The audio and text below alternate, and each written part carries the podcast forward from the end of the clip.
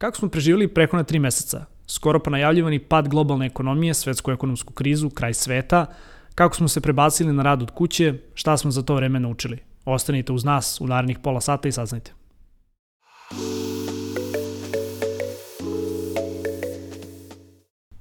Ćao ljudi, moje ime je Marko, ja sam osnivač Antokracije. Dobrodošli u prvu epizodu Office Talks podcasta, nove emisije koje pokrećemo ovde u Beogradu, sa idejom da zabeležimo neke bitne razgovore nas ovde kolega iz kancelarije koje se tiču domaće IT industrije, digitalne ekonomije, ali naravno i neke razgovore sa našim dragim saradnicima, to jest bitnim i istaknutim ljudima iz IT industrije. Krećemo lagano, trebalo nam je dosta dugo vremena da pokrenemo ovaj podcast, već jedno šest meseci snijemo ovu prvu pilot epizodu a gomila nekih stvari nas je omela u tome, nažalost i tema o kojoj ćemo danas pričati. Ali, eto, krenuli smo konačno, a, imat ćemo, koliko sam ja, ovaj, makar shvatio, četiri epizode mesečno. Možete nas pratiti na Apple podcastu, na Google podcastu, na YouTube-u naravno, kao i na Spotify-u, a verujem da će epizode biti i na našem sajtu netokracija.rs. Tako da čekirajte sve to, bit će opisi u linkovima ovaj, dole i šta drugo da vam kažem, nadam se da vas nećemo ovaj, razočarati. Samo su nas moje kolege, a, Marko Tadić i Milana Rašić i ideja iza današnjeg razgovora jeste prosto da probamo da sumiramo ovaj neki period u protekla dva meseca, šta smo radili, to da kažem protekla tri meseca, šta smo radili, kako smo ovaj, uopšte funkcionisali u izolaciji, pa evo, kolege, ja ću da vas iskreno pitam, a, vratimo se ono kao u taj neki trenutak pre tri meseca, kada je proglašeno vanredno stanje, čega se sećate? Milana?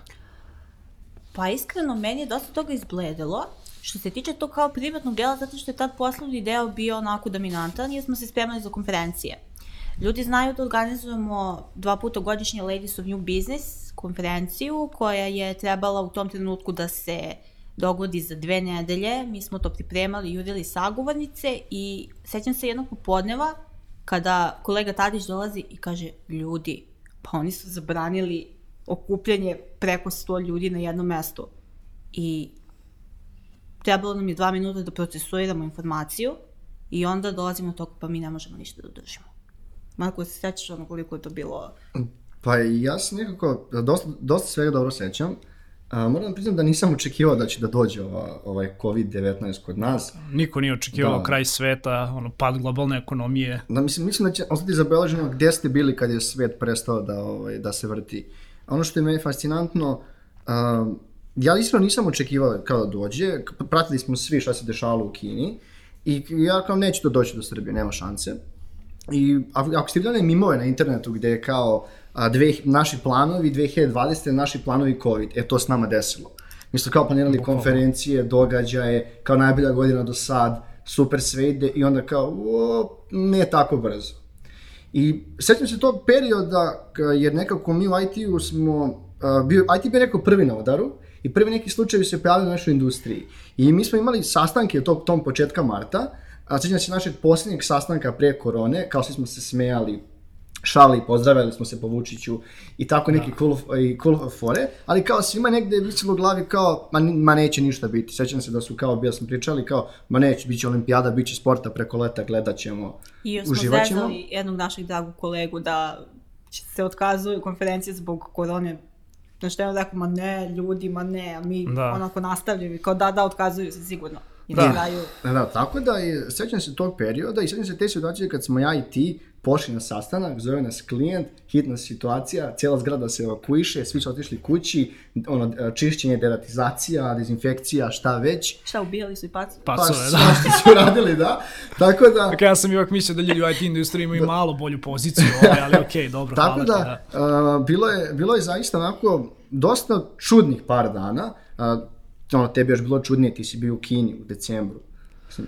Pa dobro, ja sam bio u decembru i znaš šta, mislim kao pratići tu čitavu situaciju, što najgore od svega pročito sam na Reutersu da, da su valjda kao prvi slučaj zabeleženi u oktobru. Da, u Wuhanu. Ovaj, da, neka, neka Wuhanu. Dobro, grad u kome sam ja bio je tipa 350 km, km odatle što kao, znaš, ono, ako ga je neko prvi zahvatio od, ono, iz Srbije, Ako je Šalim se, daleko, daleko bilo da ne kucam ovaj u sto sada. Ali vidi, mislim, znaš kao, prateći čitavu tu situaciju, relativno nedavno sam gledao, znači pre nego što je krenulo ovo, ova čitava situacija, sam gledao ovaj Contagion, onaj film, mislim, mislim da je sad ovako postao dosta popularan. I znaš kao, u principu sve te neke stvari koje su tamo onako dosta mračno obojene, a, su se desile i nama ovde, pa i čitavom svetu, pogotovo Italiji i, i drugim nekim ovaj, zemljama Ali iskreno kad je krenulo sve to u Kini, naravno da je svako od nas bio ovaj, ono mišljenjama daj nema šanse ovo da dođe, nema šanse da se proširi.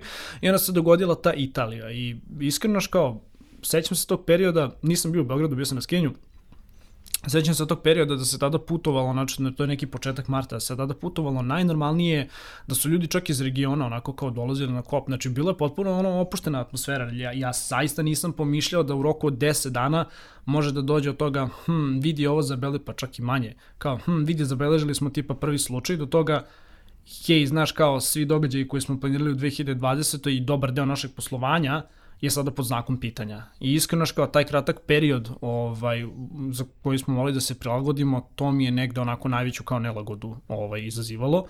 Mislim, pričat ćemo kao i ono u, u okviru tog podcasta, ali eksplicitno se sećam to, ono, tog jednog momenta gde kao sedimo ovde u kancelariji, to je zapravo bilo, ako se ne varam, i poslednji put kad smo se onako okupili u, u kancu pre nego što smo se u potpunosti razišli. Uh, I da kao pričamo, znači imamo jedan velik spremljeni projekat koji kao treba da najavimo, um, sagovornici su obezbeđeni, to je ono, potvrđeni, uh, budžet je potvrđen, lokacija je potvrđena, znači sve je potvrđeno, sajt je dignut i kao lupam, to je bilo u ponedeljak i sad kao sedimo i gledamo, ok, šta će se s tim desiti? Ajde kao sačekat ćemo utorak. Dođe utorak, hm, ajde da vidimo još kao nismo da. sigurni da da li ćemo to da puštamo u sredu ujutru, znači kada ako se ne varam proglašeno vanredno stanje, ne znam sad, da li je bila neka sredina nedelja, nisam, nisam baš tačno siguran, ali u tom trenutku kada se to desilo, ne mogu da kažem da su mi baš stvarno sve lađe potonule, naravno fokus je bio na to, ok, hajde da se ono vratimo na, na noge, da, da prosto siguramo da firma ovaj posluje, da, da, ono, da sajt ne pati, znači da netokracija u Srbiji prosto ovaj ne bude pogođena, ali dosta jedan ovako čudan uh, neprijatan osjećaj, svi su se negde naravno ovaj, odmah nadovezali na tu krizu kao 2008. godine, pričat ćemo naravno dalje o tome, ali eto, taj neki ono kao prvi osjećaj nelagode, nije, nije baš bilo cool, makar meni kao, ne znam, ne znam vama. Niko nije bio spreman, mislim, baš nismo bili spremni, jer kao ja sam dalje stvarno verujem, ma neće to nas. Ja sam zaista tako i ono kao, neko smo se tako i ponašali u skladu sa tim, e, naravno, dok, dok nije stvarno došlo moderno stanje prvi slučajevi i onda ono kao, kao prilagođavanje tom novoj normalnosti to pre, prethodno dva meseca rada od kuće i ostale da. stvari. Mislim, mi smo kada da radimo stvari od kuće pre nego što je proglašeno vanredno stanje, ali čini mi se da niko od nas nije u stvari očekivao, e, zatvorit će nas, mislim... Ma niko, on... ali znaš kao iskreno ono kao bilo mi, bilo mi u tom trenutku jako bitno da budemo među prvima i opet ono, radimo u IT industriji, sve firme su isto onako samo inicijativno ovaj, ono, posle zaposlene kući. Ja sam isto negde skapirao kao da je to realno ono ideja koju treba da uradimo. A, u početku nisam baš bio za to, mislim, znaš kao, lično mi se nije radilo od kuće. Znaš, da ono, ustanem da sedim po ceo dan kući da se razlačim, nije mi cool. A, kasnije se to promenilo, ali ono, kao, hteo sam da vas pitam šta ste vi radili, ono kao, prvo kako ste se osjećali kada ste skapirali da ok, kao ne mogu da dolazim u kancelariju, gubim taj negde osjećaj kolektiva, moram da sedim kući ono, sa devojkom, sa dečkom, neću izlaziti sad neko vreme, koje su on tipa misle ono kao prolazile kroz, kroz glavu? Pa generalno, uh, taj deo dok nije proglašeno vanredno stanje je bio sasvim cool. Mislim, ti kao završiš sa poslom, mi se čujemo ono i posle posla, sve normalno, sve je cool, radimo i onda dolazimo do tog vanrednog stanja gde ti trebaš da uskladiš posao, pogotovo ovaj kao redakcijski deo koji je malo napet, tekstovi ono moraju da idu i ti nisi toliko baš ono u stanju da sad ja, ja ću da presrećem svoj tekst ili vest ili bilo što što je u tom trenutku bitno i da idem u prodavnicu. Ne možeš, prosto nije takva industrija. Tako da tu je već počela kod mene iskreno da se javlja neka nelagoda. E, onda kako, kako su krenuli da nas oblaću helikopteri i kako se skraćivalo to vreme koje ono, možemo sad da izađemo napolje, klaustrofobija neviđena. Da? Da. Kod pa, tebe? Pa, ako pričam o tom psihološkom aspektu ovog karantina i ta dva meseca, um, vanredno stanje kao vanredno stanje mi nije pogodilo, više me taj policijski čas pogodio i ta nemogućnost da uh, ćeš, nećeš moći da izađeš posle šest. I sve te silne najave kao bit ćete zatvoreni 7 dana u ono, sedmici i duže, to stvara neki oči nelagode. Imao sam situaciju da nisam mogao da spavam dve, tri noći u početku, dok, kao, dok nisam procesirao i smirio se kao ok, nije ništa strašno, bit će sve ok, ono, progurat ćemo i ovo, nije prvi put, dešavalo se, i ono, ajmo da vidimo šta ćemo i kako ćemo, što bolje, o, taj, taj početak ovog sve bolje, što bolje podnesemo. Tako ti prvih dana imao sam taj osjećaj nelagodnosti, nisam mogao da spavam, i, ali nekako se, vrlo brzo sam se ono, aklimatizao na nove uslove, na novu da. normalnost, to što kažu mediji. Da, čini mi se onda u tom trenutku su ljudi već počeli polako da pričaju sada ćemo da iskoristimo ovo vreme i da izađemo kao najbolja verzija sebe. Da, uf, o, to, o tome ćemo da. isto se dotaknemo ovaj, i, to, i to nam je definitivno jedna tema, ali ovaj, šta znam, tipa, znaš kao, definitivno, mislim, ja, meni je bilo u startu jasno da ovo mora da se desi, znači da moraš prosto fizički ono da, da zatvoriš ljude, jer mi nismo ona nacija koja je civilizovana i koja kao može da, da, ono, da, da, da ispoštuje nešto što je, da kažemo, ono, for the greater good, znači nešto što je za dobrobit svih nas, za ono što doprinosi javnom i kolektivnom zdravlju. U tom trenutku smatram da je to bila dobra odluka, samo iskreno, znaš kao, bilo je jako izazovno. Setite se odlaska u prodavnicu Znaš, to, je, to je da bukvalno da bilo kao rad da sam išao, znaš, kao da moram da odem ono jako rano ujutru, tempirao sam, mislim, što, što kaže, da, ovaj, znaš, kao, naš, naš prijatelj Vlada Kovač, kao morao sam da, da ono, bukvalno sedim i, znaš, kao da ono, brojim porcije, koliko čega treba da kupim da bih mogao da, da, da, da ono, preguram tipa 10 dana bez, bez odlaska u prodavnicu. Uh, nisu, ono, u mom slučaju to makar nisu bile scene kada sam išao da se, ne znam, ljudi tuku, ono, za toalet papir ili to, jednom sam samo posvjedočio da su se dve žene, ovaj, ono, našamarale ispred Maxi, zato što je jedna uzela kolica drugoj. Jel, znaš, imao si korpe dostupne, kolica nisi imao. S te strane mi to bilo manje više civilizovani, ono, znaš, kao, imao sam neke procedure koje sam sam sebi uveo, uh, zabrana kretanja, ono, popodne to me onako dosta, dosta psihički ovako ono ovaj, pogodilo. Iskreno kao ne znam da li je to trajalo dva meseca, mislim da, da jeste nekih osam nedelja. Da. Problem kroz te psihičke, jer uh, mi, mi smo imali smo tu, kako kažem, uh, sreću da mo, naš posao može da se radi od kuće. I onda, da. međutim, to je bio problem što ti ustaneš u 8, ono, među 8 i 9 počinješ da radiš, radiš do 5 a vanredno stanje, uh, policijski čas kreće u pet i ti, si, a, imali smo i vikende koji su bili zabranjeni, si ti. Da de facto ima se oće da si kao, nisi mogao da izađeš, osim ako ne obzmeš... Dobro, ono... ruku na srce, ovaj, ono, ja sam prvog dana rekao ljudi, ajde da imamo ono kao klizno radno vreme, znači kao, znači, nije bitno da li ćeš ono kao da ostaneš do peta, ako ti treba dva sata da izađeš ono kao u sred, ono, neću da kažem radnog vremena, ali kao ako ti treba dva sata da izađeš, izađi. I smatram ono kao iskreno vas pitan kao je on to bilo ok, je on to odgovaralo u datom trenutku? Dobro, mi smo, kao, mi smo mali tim koji je dosta fleksibilan i agilan po sam po sebi, mi smo se dogovarali. I ok, kad mi ono, lako se do nadopunjujemo, međutim, ono, mislim da su to evo, neke firme koje imaju mnogo više zaposlenih, vratno teže ih se dole nego mi. Da, treba gledati da. i, taj, taj ugao. Da, uvijek, da. znaš, ne možemo da gledamo samo nas. To je ono što ljudi vrlo često zaboravaju, moraš da vidiš Nama je lako, ali ne znači nekom drugom. Da, ali dobro, samo da se vratim na, na ono što sam malo čas teo da kažem. Mislim da smo se po poslu i svakako, to mi je ono kao sledeće pitanje, ali mislim da smo se oko posla onako ok organizovali. Taj manjak slobode mi je ono najviše pogodio u smislu da kao, znaš, posle pet realno ne možeš nigde da izađeš. Ako si imao psa, ok, mogu si da ga izađeš, da ga prošetaš, mada setiti se u početku da je bilo i tu nekih ovaj, ono, problema, potpuno besmisleno. Uh, ali, znaš kao, taj neki osjećaj da možda sedneš u 11 uveče u kola i dodeš ono, u Mac Drive i da kao pojedeš ono glupi cheeseburger, znaš kao, takve male gluposti su mi ono nedostajale. Po pitanju posla, ono, uveli jesmo neke nove ovaj, procedure, neke procedure koje smo zadržali kao i do dana današnjeg. A, I kao, znaš, meni iskreno kao rad od kuće, u, u početku mi je bilo onako užasno, ali kasnije sam se navikao i znam ja makar ono iz, iz svog ugla gledano sam podigao nenormalnu produktivnost. Kako je situacija kod vas? E, kod mene potpuno obrnuto. Meni je produktivnost bila na visokom nivou kad smo kretali da radimo, međutim kako je vreme odmicalo, meni je tako bilo sve gore i gore i gore Pogotovo što se tiče tog kreativnog dela našeg posla, zato što ono, office talks, mi stalno sedimo ovde, nas je četvoro, mali smo tim, šalimo se, pričamo i tako nam se u stvari, ono, ve, većina cool ideja koje smislimo, mi smislimo tako što smo na jednom mestu i ono, da ne kažem lupetamo gluposti, kažemo i neke pametne stvari, ali ono, provuče nam se. Da, diskusija je dosta bitna u našem poslu, jer mi kroz priču, diskutovanje, da ne kažem neko polu svađanje za neke teme, onako strastno, do, da, dolazimo do najboljih tema, novih projekata, a, ja volim to što nemamo ista mišljenja i što, ali onako uvek saslušamo jedne druge Da. i uvek iz tih ideja dođemo do najboljeg Google-a, i za, ne, i, za, i za novi projekat, i za temu, i za, ne znam, saradnju s nekim partnerima ili slično. To Evo, da, to da. Ono što Definitivno ja- mi je to i meni nedostajalo. Iako nam je ono core produktivnost u smislu znaš kao određivanja ono naših taskova bila zapravo jako visoka. Pa meni, ja kad pogledam sebe u prethodna dva meseca i sad, smatram da, i to, da ne mogu kaži da sam bio manje produktivan, više produktivan, bio sam na kraju negde slično. Jer to je sve isto kao i u normalnim okolnostima, neki dan si super produktivan, neki dan ti se ne radi, neki dan radiš mnogo više. Imao si situacije vrlo često gde sam posle, ono, kao posle pet, seo i najviše do, posla radio. Par puta sam seo u deset i najviše stvari radio od 10 do 12, kao tad sam bio miran, ništa me drugo nije interesantno, nisam čitao, nisam, ne znam, gledao vesti, pak slušao muziku, nego sam najviše radio. A jel ste imali osjećaj da ste radili duže? Ja ne. Ja, ista Ja situacija. ne. Mislim, ja već kao dugo vremena ovaj praktikujem to da, da nemam ono kao fiksno radno vreme od Isto. 9 do 5. Mislim, vi vrlo dobro znate kad mene nema nekada po pola dana, pa onda sedam uveče ponovo odradim svoje stvari.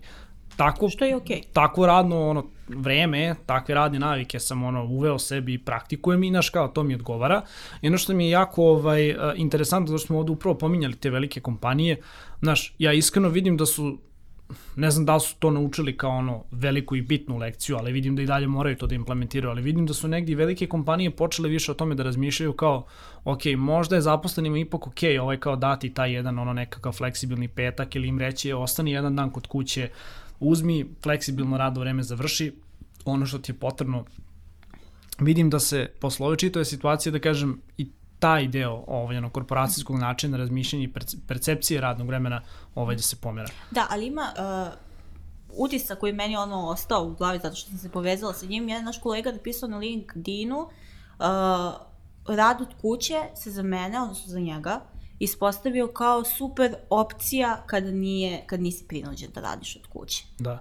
Mislim, ja isto tako, da, ja isto tako kao ono, pričao sam sa gomilom ljudi koji su rekli a, da to što rade od kuće, da su sad radili duže. A, ako im je taj, ako su iskoristili ta dva meseca da budu produktivniji zato što su to zaista želeli, zato što su imali neke lične ciljeve da prosto urade tad više posla, super, strava. Ali mislim da, znaš, ono, kao gomila ljudi koje nema iskustva sa, sa radom od kuće, imajte na umu, a i za naše kao slušalce i gledalce, da mi ipak jesmo tim koji ovaj onako dosta je naviko da radi remote u nekim situacijama, uvek možeš da ostaneš kada hoćeš kući, naviknuti smo prosto na te stvari, šta više naše kolege iz Hrvatske imaju čitavo leto kada, kada rade remote, znači kada uopšte zapravo ne idu u kancelariju.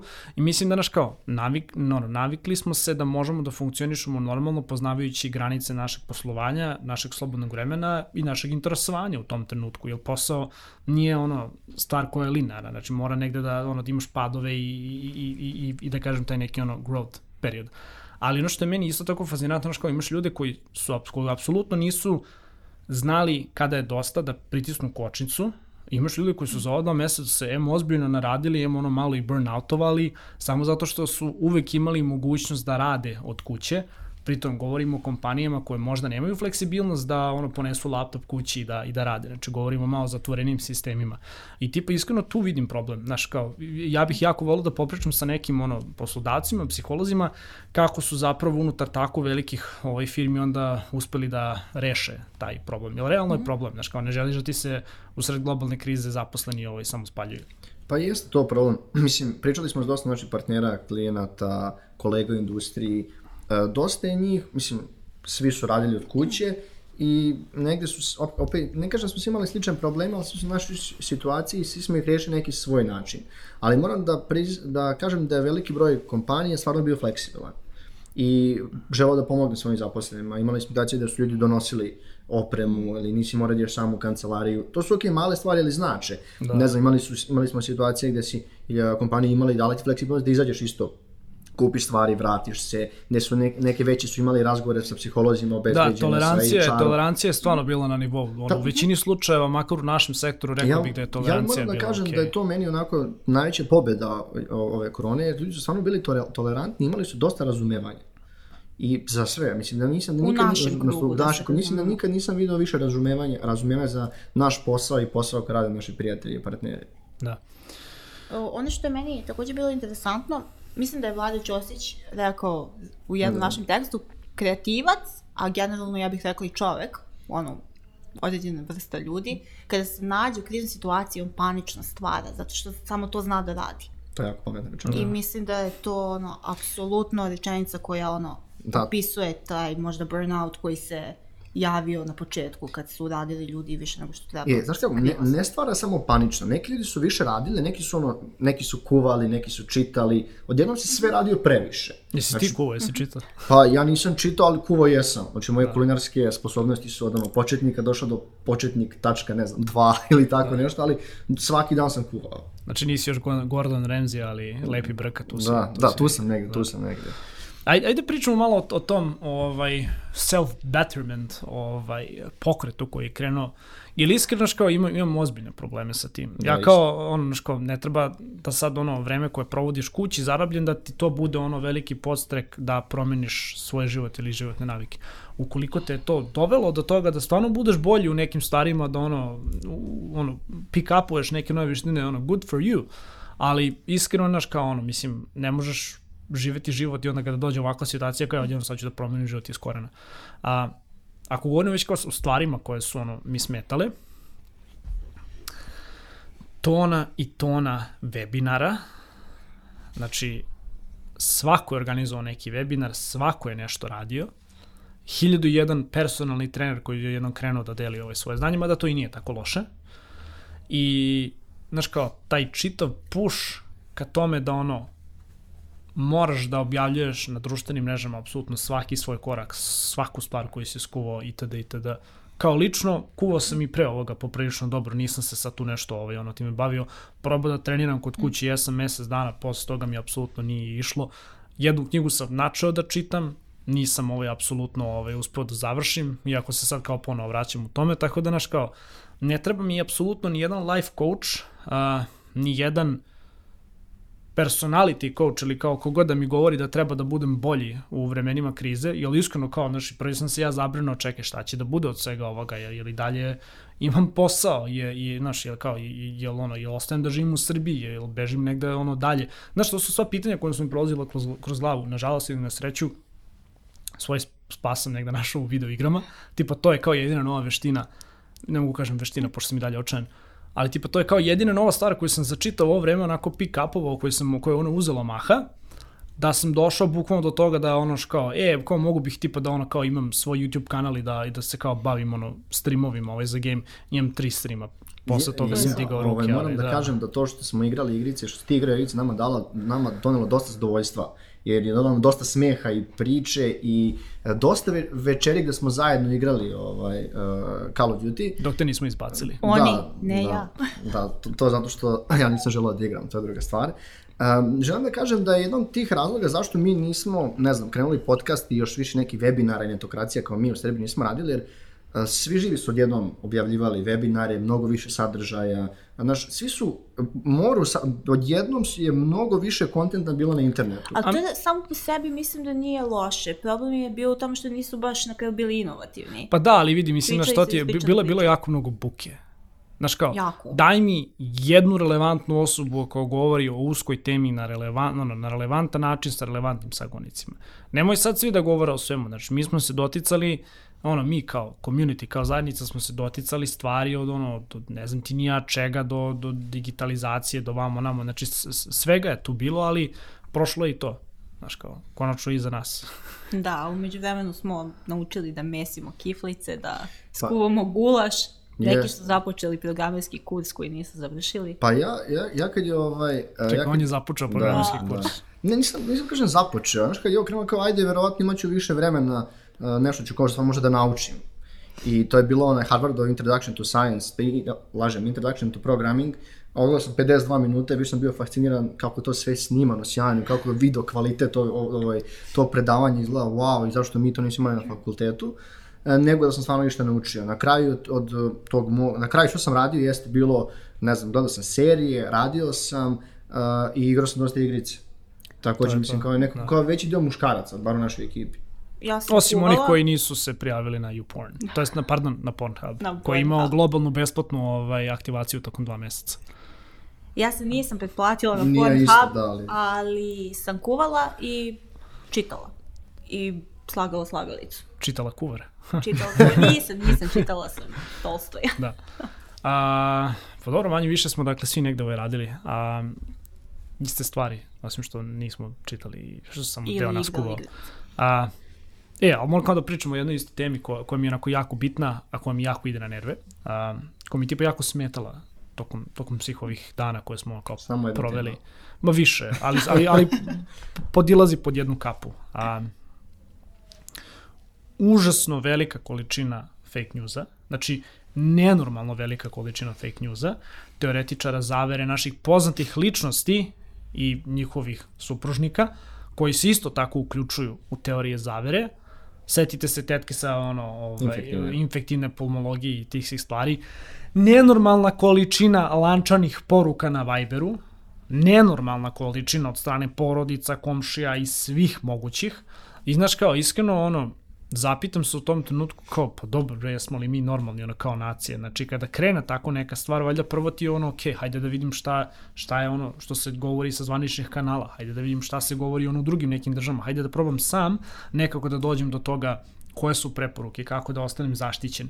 Ljudi su toliko sadržaja objavljivali, gomila toga je naravno bilo fake. Setite se od onih nekih lekova ovaj, koji su navodno protiv korone, luk, Rakija. rakija i Da, ne ogavnih radi nekih, posao. da, ogavnih nekih gluposti koje je kao struka ovaj, e, savjetovala.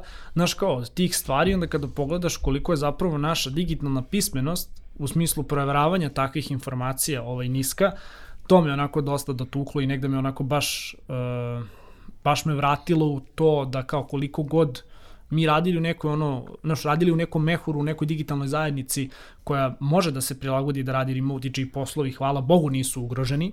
Mi dalje živimo realno u državi gde, smo, gde smo morali da se suočavamo i sa tim stvarima. ja moram da priznam da si mi uzeo reći za tu digitalnu medijsku pismenost koja ima jako slaba i, i mislim da je to ona narodna jedna laž koja se izgovori sto puta postaje istine, ali kako već ide.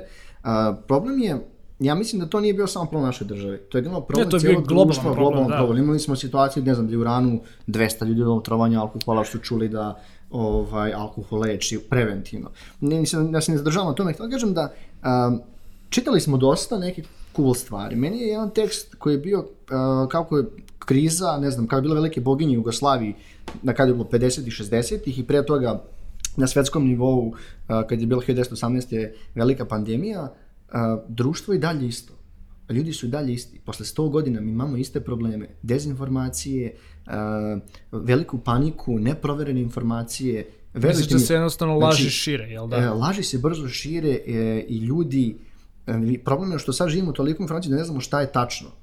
To je ono uticalo od ovog gl- globalizacija i mediji i su uticali da imaš još više informacija nego pre koje Čekaj, hoćeš reći da su pre ljudi, ne znam, kad, kad je bila variola vera 70 i neke godine, da su pre ljudi samo bili ono kao, je, komšija, jesi čuo, a sad, ne znam, si na grupi Upravo ono to. Viber da imaš 150 ono upravo, kao znači, svojih komšija i... Naša, Da. ured, naša glavna urednica uh, Mija je slala taj tekst koji je bukvalno, koji su imali pod, ono, tekstovi iz 1900, kada je bila variola vera u Ja mislim da ga dalje. Buka pisao ili tako nešto, tačno nisam je, siguran. znači ti da. si bukvalno mogao da vidiš isti šablon ponašanja tada i sada. Kad ti pogledaš ovaj karantin i sve ovo, to nije ništa novo što je bilo 1918. Znači, ovo je samo 100 godina kasnije, ljudi su dalje na istom intelektualnom e, nivou razvoja, osim što imamo tehnologiju i što imamo internet i Netflix I što su i njihovi glasovi samo pojačani, dakle, Jeste Vuk lako to. menja čud nikad. Znači, to je apsolutno, ovo je isto kao pre 100 godina, samo eto imamo više tehnologije i možda, znači, onako, ljudi su samo bučni.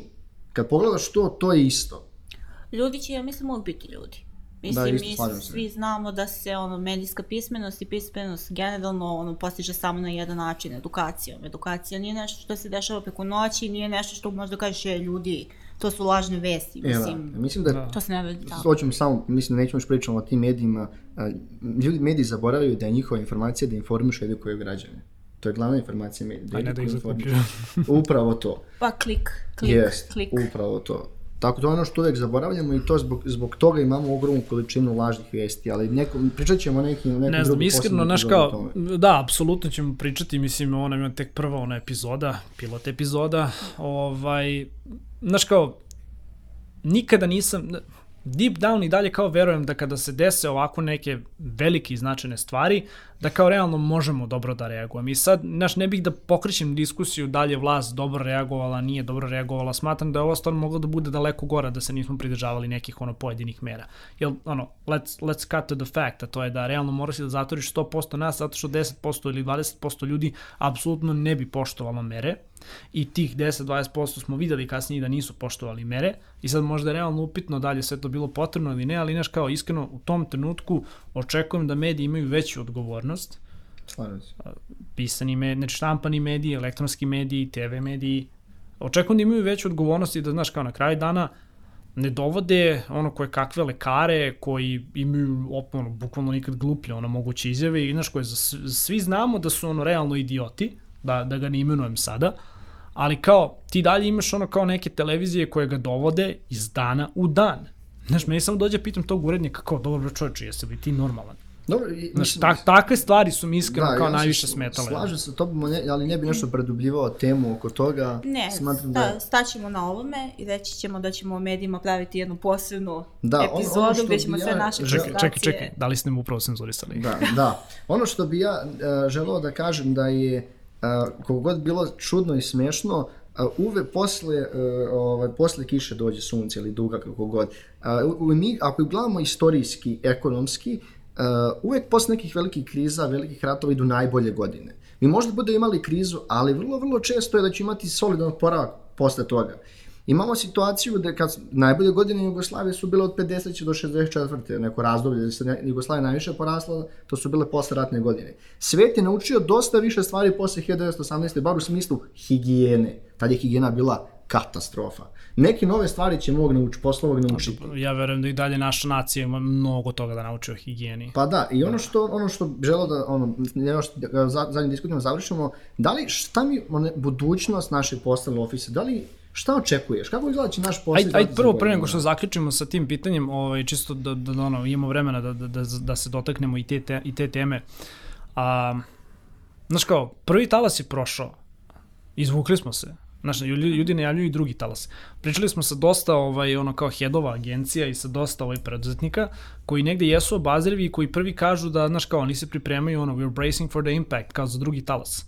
A, šta vas dvoje mislite? Znaš kao, ja bukvalno ne znam šta da mislim po pitanju toga i mislim da, znaš, ono kao, koliko god čitao, analizirao i kao trudio se da skapiram situaciju, mislim da, većina, da većini ljudi nije negde jasno da, da kao, ovo, znaš kao, možda je sada cool, ali realno ovo za jako kratko vreme možda i za kraće vreme nego što smo imali tih 10 dana od prvog slučaja do vanrednog stanja ili koliko god, mislim da situacija može drastično da se pogorša. Kako vi gledate na, na budućnost našu do kraja godine, do, do 2021. Pa ako pričamo o tom virusu, u što ja iskreno ne bih baš nešto zalazila, Naravno, zato što tu da. neminovno idemo u pitanje da li je to šarada ili nije šarada. Nije, nije naša tema, ne bavimo se time. Ostavit ćemo da. sa strane.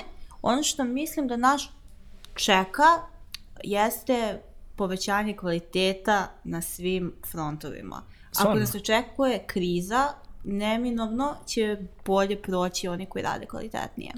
To mislim da možemo da primenimo i na proizvode koje nudimo kao kompanija i na sadržaj koji objavljujemo kao mediji i na konferencije koje pravimo kao tržište. Pa na sve što radi ono domaća naša IT industrija. Tako Realno da... da bi bio da bi ono da bi opstao moraš ili da malo dropuješ cene, moraš da budeš ono kompetitivniji, moraš da budeš kvalitetniji na tržištu rada. Ja ću biti ja ću biti optimista i reći da se nadam da nas čeka ono da, dobro, bolji kvalitet jest. svega. Ja kao neko ko vodi taj biznis da netokracija neće dropovati cene, to 100%, ali ovaj, e, želim samo, samo ćemo voditi nove proizvode koji će svako čuti, pričat ćemo narednim epizodama o tome. Pa između ostalog i ovo je novi proizvod. Da, jeste. Upravo sam htio da kažem da uh, smatram da će oni biznisi koji su manje zavisni od Amerike i IT firme i čak i agencije koje su manje zavisne od Amerike mnogo bolje proći. Ne želim da delim na ono sad outsource product, smatram da će prve kompanije u prvom talasu bolje proći, međutim smatram da naše znanje, pričam samo o našoj industriji, i er, daista dobra ekspertiza će nas onako vrlo brzo vratiti neku mapu. Mislim da jako, ako se slučajno bude desilo da ljudi budu ostali bez posla, neke firme se zatvorile, u nekratkom nemogućnosti da dođe do novih klijenata i projekata, smatram da će vrlo brzo nešto novo da se rodi ili će naći nove neke revenue streamove, pokrenuti nove projekte, naći nove klijente, napraviti svoj proizvod, nastaviti outsource. Smatram da će relativno brzo, će, brzo ćemo moći da se oporavimo na tom globalnom tržištu. Pa da, inače kao smatram da realno ono sad više nego ikada, mislim, ja ne znam, ne znam iskreno kada ćemo da pustimo ovu epizodu, ali znaš kao ako pogledaš u ovom trenutku šta se dešava u Americi kao najvećem tržištu, kao najvećim klijentu koji ono negde koristi kao ono usluge naših ono IT-evaca, nisam baš optimističan da će biti sve beričetno. Mislim, izvuće se, znaš, ono, tržište se uvek oporavi, to, to nije problem, ali kao definitivno ono, tražiti i druga tržišta i gledati kao koje su nove vertikale ono za rast. Jer, Mislim da možda to da. ne treba nas brine, zato što je uvek svima ekonomski interes, nažalost, da, upravo apsolutno pre svih. Da. Pošto smo, prešli smo 30 minuta, I ja smatram da ta a, kriza u IT-u na doleće stvari treba budu posebna tema koju ćemo pričati da. i diskutovati. Dobro, okej, okay, završit ćemo, završit ćemo ovo sa, sa jednim ono interesantnim pitanjima, ali nešto što sam ovde makar sebi zapisao, a prošli smo šta se menja posle globalne pandemije, mislim već više puta. Neću da vas pitam kako vidimo leto, jer leto, leto je... Ne, ne vidim da će, znaš, kao, ne vidim da će se tu sad nešto ono drastično ovaj, a, menjati, ali ono što bih kao voleo iskreno da vas pitam jeste kako vidite pa iz ugla ono, firme u kojoj vi radite, a, i iz ugla drugih nekih ono firma sa kojima iz ugla, iz ugla drugih firmi sa kojima mi sarađujemo kako vidite prosto da će budućnost kancelarije da izgleda?